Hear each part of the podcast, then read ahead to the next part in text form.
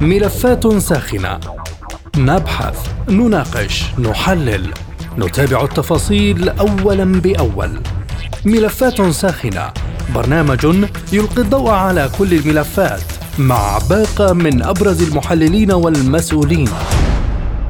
أهلا بكم مستمعي راديو سبوتنيك أينما كنتم وهذه حلقة جديدة في برنامج ملفات ساخنة. معكم في هذه الحلقة خالد عبد الجبار.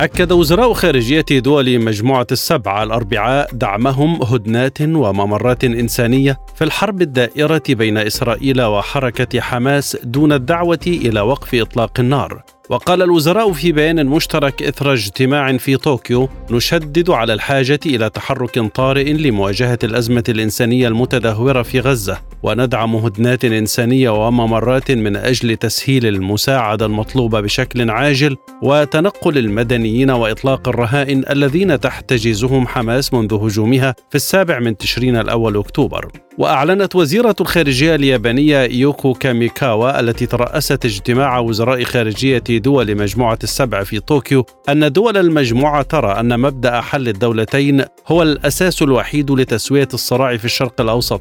وقالت كاميكاوا في المؤتمر الصحفي الختامي نرى أن الالتزام بمبدأ دولتين لشعبين هو السبيل الوحيد لتسوية الصراع. وأشارت إلى أن ممثلي دول المجموعة تمكنوا لأول مرة نتيجة اجتماع طوكيو من الاتفاق على وثيقة موحدة بشأن تصاعد التوتر في الشرق الأوسط. وأضافت أن مجموعة السبع تدين هجمات حماس على إسرائيل وتطالب بالإفراج عن جميع الرهائن وتدعو إلى توقف إنساني للأعمال القتالية.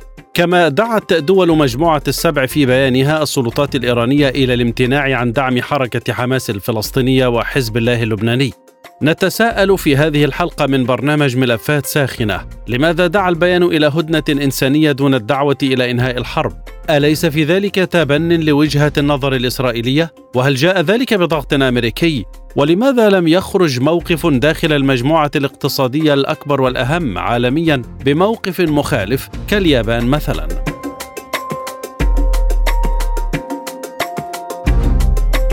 أرحب بضيوفي هذه الحلقة من برنامج ملفات ساخنة من بيروت. الدكتور بيير عزار الخبير في الشؤون الجيوسياسية والاقتصادية ومن باريس الأستاذ مناف كيلاني الكاتب والباحث السياسي. مرحبا بكم جميعا وأبدأ معك دكتور بيير وأسألك عن بيان مجموعة السبع تناول امورا كلها سياسية، أليست قمة السبع قمة اقتصادية في المقام الأول؟ هي آه، آه، آه، سؤال مهم جدا. صحيح بالشكل هي قمة تتناول عادة القضايا الاقتصادية على المسرح الواقع الدولي ولكن في نهاية الأمر هم يمثلون دول تتفاعل في البعد السياسي لأنه لا يمكننا أن نفصل السياسة عن الاقتصاد والإقتصاد عن السياسة. كل لا يتجزأ. وبالتالي أمام هذا الوضع الحالي الراهن آه، آه، الذي يحصل هنالك دول أساسية ودولة عظمى مثل روسيا تخوض حرب شرسة جدا داخل القارة الأوروبية وما يحصل اليوم في إسرائيل في منطقة الشرق الأوسط. هذه المعادلة ما بين أوكرانيا وإسرائيل تؤثر بطبيعة الحال على ما حصل في قمة ال G 20 وقمة البريكس بالنهايه أعضاء المجموعة السبع هم أعضاء في قمه G 20 والبريكس وبالتالي البيان يأتي بالشكل كأنه سياسي إنما انعكاسه بطبيعة أو بطريقة أو بأخرى يؤثر على البعد الاقتصادي ومن ومن ثم البعد الجيو اقتصادي الذي أصبح في نهاية الأمر الجيو اقتصادي ينافس الجيو سياسي رغم بأنهما متداخلان مع بعضهما البعض، أقصد الجيو سياسي والجيو اقتصادي.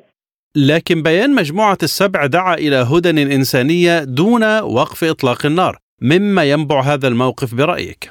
سؤال أيضا مهم بطبيعة الحال إننا نتكلم عن إسرائيل، يعني لا أحد يمكنه أن يقول بأن إسرائيل لا يمكنها أن تدافع عن نفسها، إسرائيل دولة لديها تأثير كبير على ما يعرف بالرأسمالية المنتشرة عبر هذا الكوكب وتحديدا الرأسمالية الأكبر داخل الولايات المتحدة. وبطبيعة الحال إذا قالوا بأنه يجب أن يتوقف إطلاق النار بمعنى هذا يؤشر هزيمة عسكرية للجيش الإسرائيلي. عندما يقولون الهدن الإنسانية هي إلى حد ما نوعا ما تحايلا على آه، مصطلح وقف إطلاق النار وهذا الأمر يؤدي إلى إرضاء إسرائيل من جهة ولكن هذه الدول المجموعة السبع لديها مصالح في نهاية الأمر مختلفة عن إسرائيل وهي غير منزعجة في قرار ذاتها غير منزعجة من تأقلم أو أو تراجع أو ضمور في قوة الحركة الصهيونية. عندما نقول إسرائيل يجب أن نقول الحركة الصهيونية. إسرائيل ليست منفصلة عن الحركة الصهيونية. كل مثلا بنيامين نتنياهو أسماء ليست فاعلة في قرار الحركة الصهيوني. يعني داخل إسرائيل ليسوا هم من يتخذون القرار حول ما يحصل داخل إسرائيل. هنالك قرارات خارج المساحة الإسرائيلية هي التي تحدد القرارات الإسرائيلية. ولكن في نهاية الأمر المجموعة السبع هي تتحرك اليوم انطلاقا من أين هي روسيا؟ لأن روسيا في الأساس هي عضو. كان هنالك تعرف بمجموعه الثمانية وروسيا كانت عضو في هذه المجموعة. ولكن الكل يعلم بأن لروسيا تأثير كبير فيما يحصل اليوم داخل إسرائيل وغزة. ولا يمكن لأي كان أن يوقف هذه الحرب سوى الرئيس الروسي. هو الوحيد الذي يملك مفتاح نهاية الأزمة. من هنا القرارات متداخلة ما بين الواقع الأمريكي ضمن مجموعة السبع الذي يريد أن ينتشر في الشرق الأوسط مجددا وهذا أدى إلى آه، آه، قدوم كل الحاملات الطائرات والترسانة البحرية الهائلة الأمريكية. ليس من أجل حماية إسرائيل إنما من أجل حماية طريق الهند حيفا مرورا بالإمارات والمملكة العربية السعودية ضد ما يعرف بطريق الحرير المدعومة من منظومة البريكس ولكن في نهاية الأمر هنالك نفس الأعضاء آه، موجودة داخل البريكس وموجودة داخل ال G 20 وهذه إشكالية مثلا لنأخذ مثلا المملكة العربية السعودية هي عضو في البريكس ومجموعة دول آه، آه، مجموعة مجموعة العشرين. هذا أمر يؤثر كثيرا على كيفية اتخاذ القرارات. من هنا هذه القرارات الملتبسة بين وقف إطلاق النار أو الهدى للإنسانية لأنه في نهاية الأمر الدول الأوروبية منزعجة أيضا من تمدد إسرائيل بنفوذها داخل القارة الأوروبية ماذا تقصد بالتأثير الروسي في أزمة حرب غزة والذي وصفته بالكبير؟ روسيا هي الرقم واحد. يعني الرئيس فلاديمير بوتين قال لإسرائيل وأنا قلت دائما على منبركم ابتعدي عن أوكرانيا لأن إسرائيل تدير أوكرانيا. الرئيس الروسي منزعج جدا. ولا يمكن لإسرائيل أن تهدا داخل مجالها الأمني إذا لم يكن الرئيس بوتين راض على أداء إسرائيل، لن تهدا الواقع الإسرائيلي إلا عندما يوافق الرئيس بوتين، لقد مررت الشفرة، لا يمكن كل شيء أن نقوله على الأعلام. لكن بيان مجموعة السبع دكتور بيير وموقفهم هل يؤثر على مجريات الحرب؟ لا هو هو في نهاية يعني إذا إذا قصدت بيان مجموعة السبع هل يؤثر؟ هو يؤثر بشكل جزئي، كل الذي يؤثر هي روسيا ومن ثم الولايات المتحدة فقط في إسرائيل ليست الولايات المتحدة فقط روسيا ومن ثم الولايات المتحدة. إن الولايات المتحدة اليوم مرتاحة لتأثير روسيا على هذه المنطقة، وبالتالي بيان مجموعة السبع هو بيان إلى حد ما شكلي في الإعلان، إنما الولايات المتحدة هي خلفه، ولكن هذا البيان لا يفعل فعله على أرض الواقع دون موافقة روسيا، أكرر هذه الكلمة الحساسة جدا وعلى الكل أن يفهم ماذا أقصد. لن تتوقف هذه الحرب وإسرائيل تعرضت لهذه الانتكاسة الكبيرة لأن الرئيس بوتين قال لها ابتعدي عن أوكرانيا مررت الرسالة مجددا. لكنه يشكل دعما بشكل أو بآخر لإسرائيل فيما يسمى الدفاع عن النفس أليس كذلك؟ صحيح. صحيح أستاذنا هيدي هيدي صحيح. إسرائيل كلنا في نهاية الأمر أنا قلت دائما المشكلة لدى الجانب الفلسطيني بأنه لم يوثق هويته في الماضي الصحيح. ما هي قوة الحركة الصهيونيه الصهيونيه لقد قالت بأن الشعب الذي يقيم اليوم داخل إسرائيل هو مرتبط بشعب إسرائيل في الماضي الصحيح. وداخل إسرائيل هنالك عدد فلكي من اليهود الروس ومن الاتحاد السوفيتي السابق ومن دول أوروبا الشرقية إلى جانب اليهود داخل المنطقة العربية والفلاشة من إثيوبيا. ولكن في نهاية الأمر الإشكالية الكبرى الجانب الفلسطيني دائما يحاول أن يقول بأنني موجود.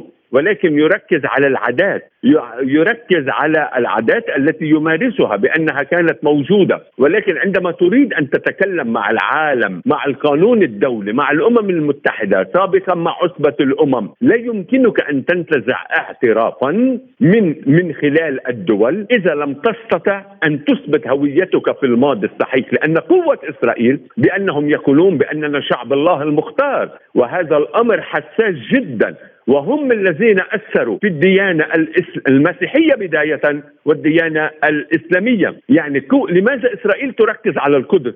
لأنها إذا فقدت القدس تفقد تأثيرها في الديانة المسيحية والإسلامية، ما الذي أقصده في هذا الكلام؟ وهذا الذي يؤثر على بيان قمة الجي جي 7 وهي وهي جي 8 لأنه في نهاية الأمر أوروبا ذو منشأ مسيحي بغض النظر بأنها اليوم جزء كبير من أوروبا ملحدة. ولكن في الشكل العام هي كاثوليكية المنشأ وروسيا هي أرثوذكسية المنشأ. الموضوع الأساسي عندما نقول المسيحية المسيح هو تم ذكره بأنه يهودي. هنالك إشكالية. بين إذا كان المسيح يهودي أو جليلي هذه إشكالية. لأن ما, ي... ما الذي عندما نقول غلاف غزة غلاف غزة هي المساحة التي كان جزء طبعا جزء من المساحة لكي نكون دقيقين. هي جزء بسيط من المساحة التي كانت في اليهودية في زمن المسيح. إذا الإشكالية الكبرى أن اليهود استطاعوا خلال قرون عديدة أن يؤثروا في العالم ككل وفي الديانات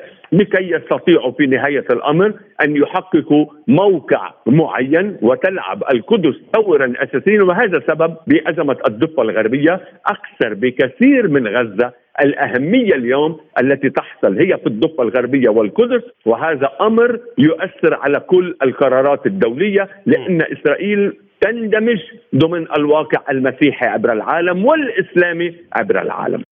هل مجموعة السبع ككيان اقتصادي أهم وأكبر في العالم رأس واحدة أم في داخله ممكن أن نجد آراء متعددة؟ سؤال مهم جدا. لا هنالك قرارات آه، متعارضة. الولايات المتحدة لا تعني أوروبا بالمطلق ودائما هنالك مزج عندما يقولون العالم الغربي الحضارة الغربية هذا كلام غير دقيق. الولايات المتحدة ليست غرب ولكن تم في نهاية الأمر خلق نوع من الاندماج في هذا المصطلح. ولكن هنالك تباعد كبير.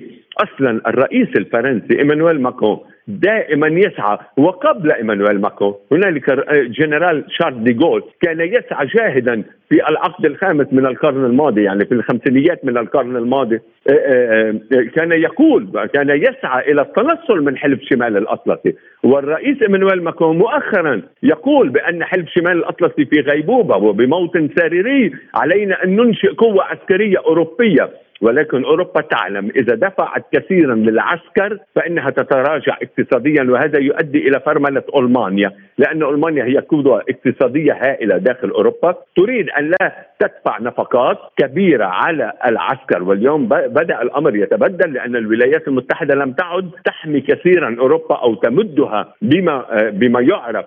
بفواتير الأمن وهذا ما طرحه الرئيس دونالد ترامب الرئيس الأمريكي السابق الذي كان يقول أوروبا إذا أردت أن نحميك عليك أن تدفعي. اذا الإشكالية كبيرة جدا. المصالح الأوروبية مثلا ليست في موضوع الغاز مثل ما هي المصالح في في أوروبا. عفوا مع الولايات المتحدة.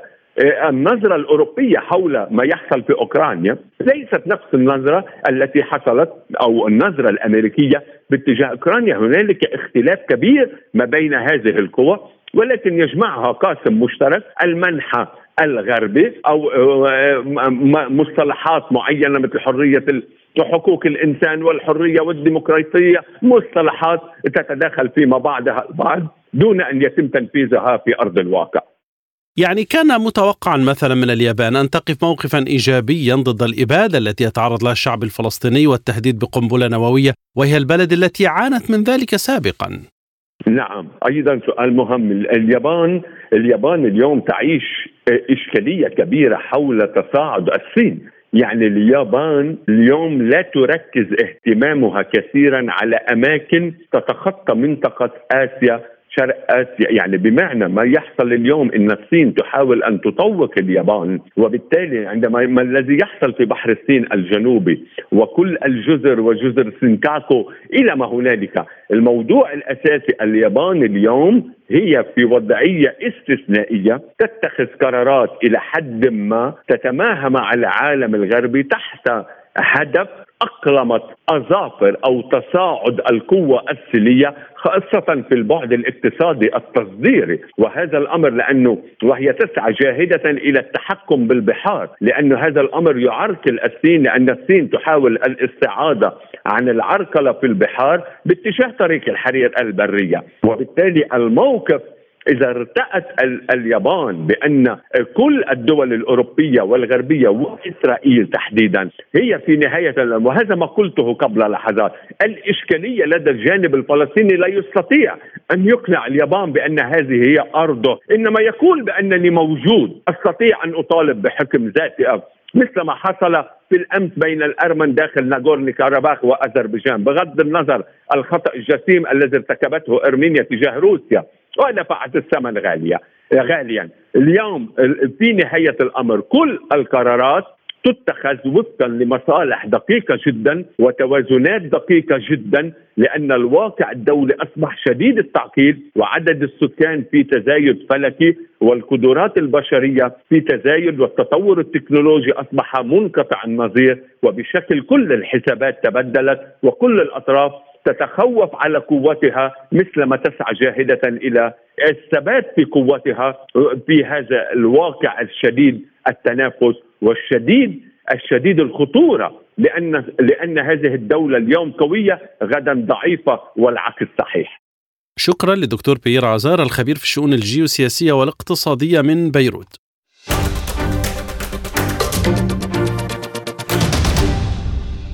ومن باريس أرحب بالأستاذ مناف كيلاني الكاتب والباحث السياسي. أستاذ مناف بيان قمة مجموعة السبع لم يدعو إلى وقف إطلاق النار ودعا فقط إلى هدى إنسانية.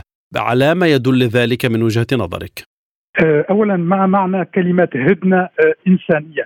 ليس لها أي معنى على الإطلاق لا في المجال الدبلوماسي ولا في المجال العسكري. هي مجرد فقط أه، فنقل إنجازات كلامية قامت بها مجموعة السبع التي لم يعد لها أي تأثير في الواقع على أي حال من الأحوال سواء في مسألة غزة أو في أي مسألة أخرى في العالم، بمعنى آخر هو بيان الحد الأدنى أو القاسم المشترك الأدنى بين هذه الدول المتفقة فيما بعضها ضمنيا على عجزها اولا وكذلك ومتفقه على دعم الطرف الإسرائيلي في تقدمه على الأقل في عملياته التي يتقدم بها دون أن يثني أحد عن ذلك وطبعا انتظارا أن تعلن إسرائيل عن سيطرتها الكاملة على قطاع غزة هي مسألة فقط محاولة لكسب الوقت ببيانات إعلامية لا تسمن ولا تغني عن شيء.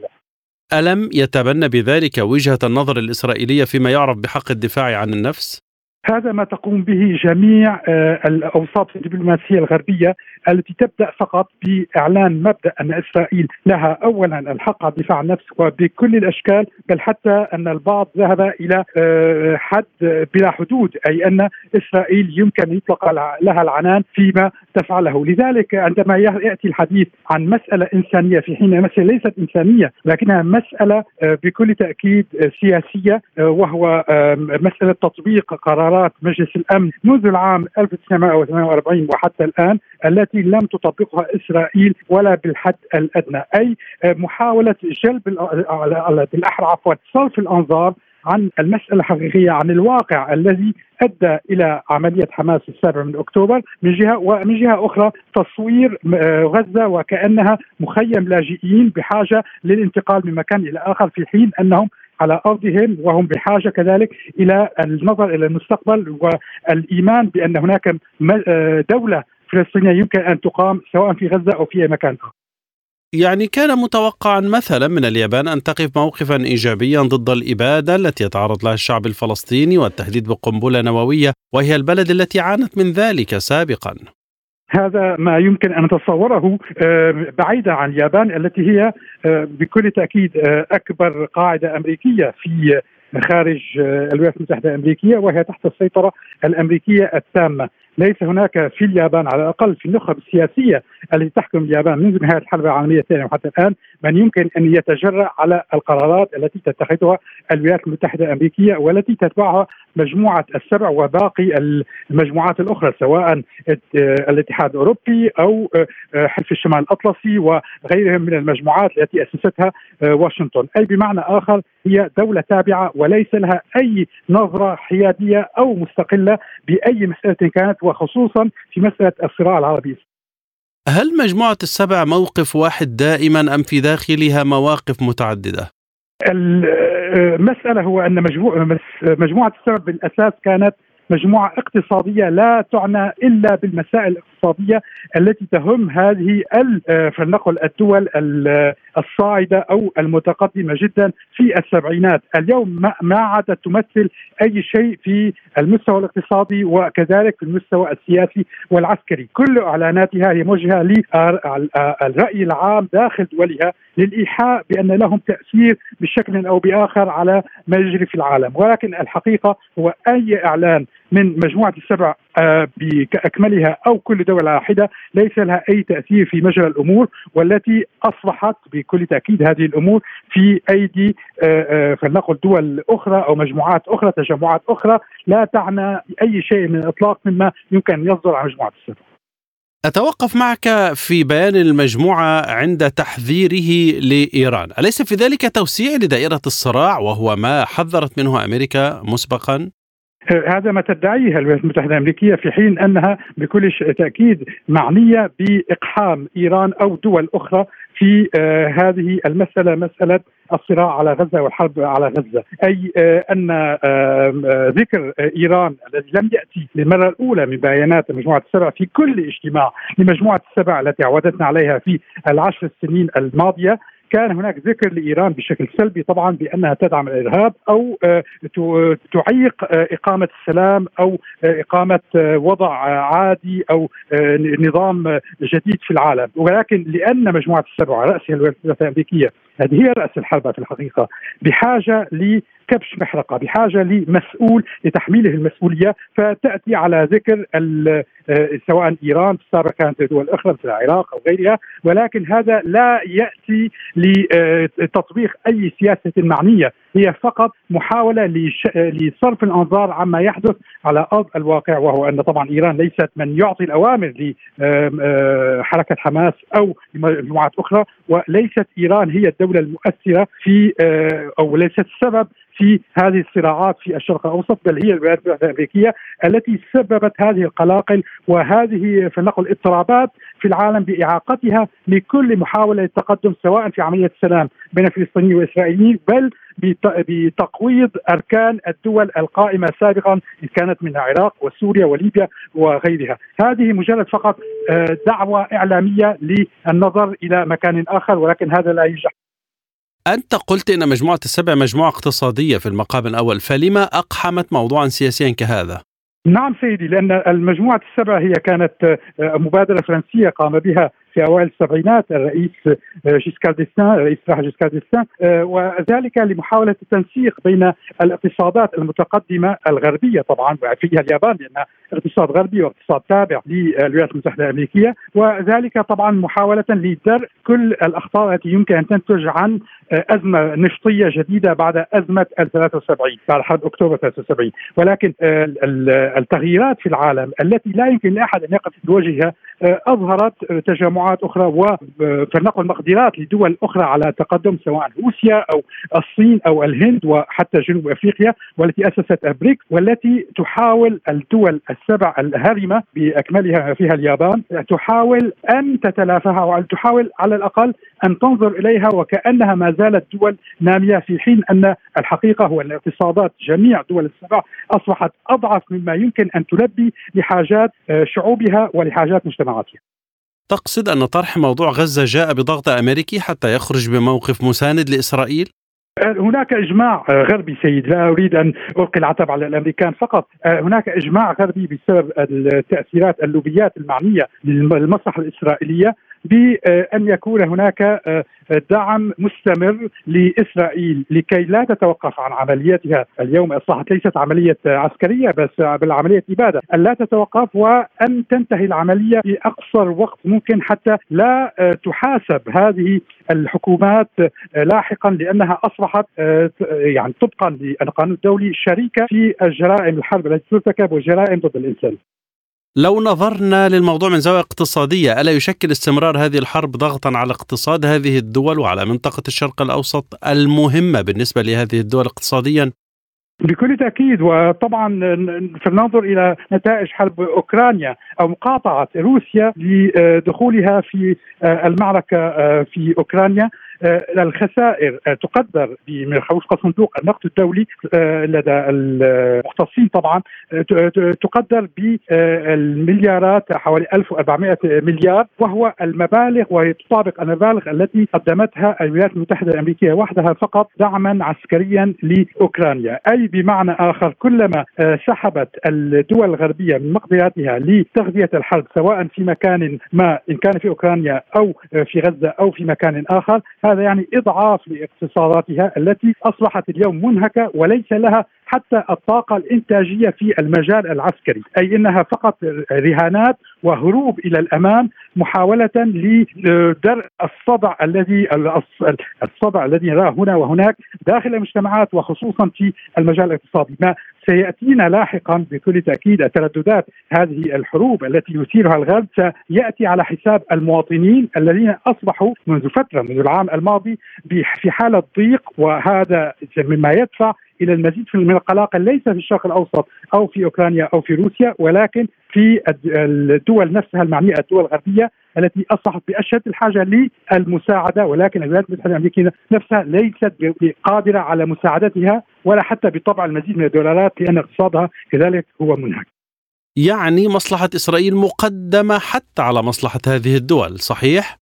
هذا رهان لأن إسرائيل آه، هي مشروع استعماري من الأساس وتاسيسها مشروع استعماري آه، غربي وطبعا استمرت به آه، بريطانيا ثم سلمت اليد للولايات المتحدة الأمريكية لضمان التموين في مجال النفط ومجال الغاز. وطبعا كلما زادت الحاجة لمصادر الطاقة كلما زاد الدعم. ولكن بكل تأكيد هناك حدود لا يمكن الولايات المتحدة الأمريكية أن تنتج المزيد من الأسلحة وتقدم المزيد من الدولارات دعما لإسرائيل دون أن تنتقص من مقدراتها ليس فقط الإنتاجية ولكن كذلك فيما يتعلق بمصالح شعوبها أي أن الضيق والحاجة والعوز سيظهران في سيظهرون في المجتمع الأمريكي والمجتمعات آه، الغربية هو رهان فقط ولكن رهان على حساب ماذا؟ على أساس ماذا عفوا؟ على أن تكون إسرائيل قادرة على إنهاء المعركة بأسرع وقت وأن لا يكون لها ترددات في المنطقة ولكن نرى الترددات منذ اليوم ونراها بكل تأكيد دون أن يحسب لها أي يحسب لها أي حساب بأن يكون هناك رده فعل داخل المنطقة وفيما ورائها، هذا الأمر ليس لأحد ليس في مقدره أحد أن يحسبه أو يتوقعه ولكن ما تقوله على الأقل على الأقل الأرقام بأن الاقتصاد الإسرائيلي اليوم آه، نزل آه، هبوطا حادا آه، بعد عملية حماس من جهة وزادت الصعوبات أكثر فيما يتعلق بالدخول اسرائيل في هذه المعركة التي أنهكت مقدراتها، ليس هناك من نبع للأسلحة وليس هناك من نبع للتمويل، التمويل معتمد على الطاقه الانتاجيه، الطاقة الإنتاجية الغربيه محدودة وبكل تأكيد ستأتي يأتي الوقت عندما آه، تقدم الحسابات والحسابات سيدفعها الشعوب. شكرا للأستاذ مناف كيلاني الكاتب والباحث السياسي من باريس. وشكرا لكم مستمعي الكرام. للمزيد زوروا سبوتنيك dot ae إلى اللقاء. مستمعينا بهذا نصل وإياكم إلى نهاية هذه الحلقة من برنامج ملفات ساخنة. طابت أوقاتكم وإلى اللقاء.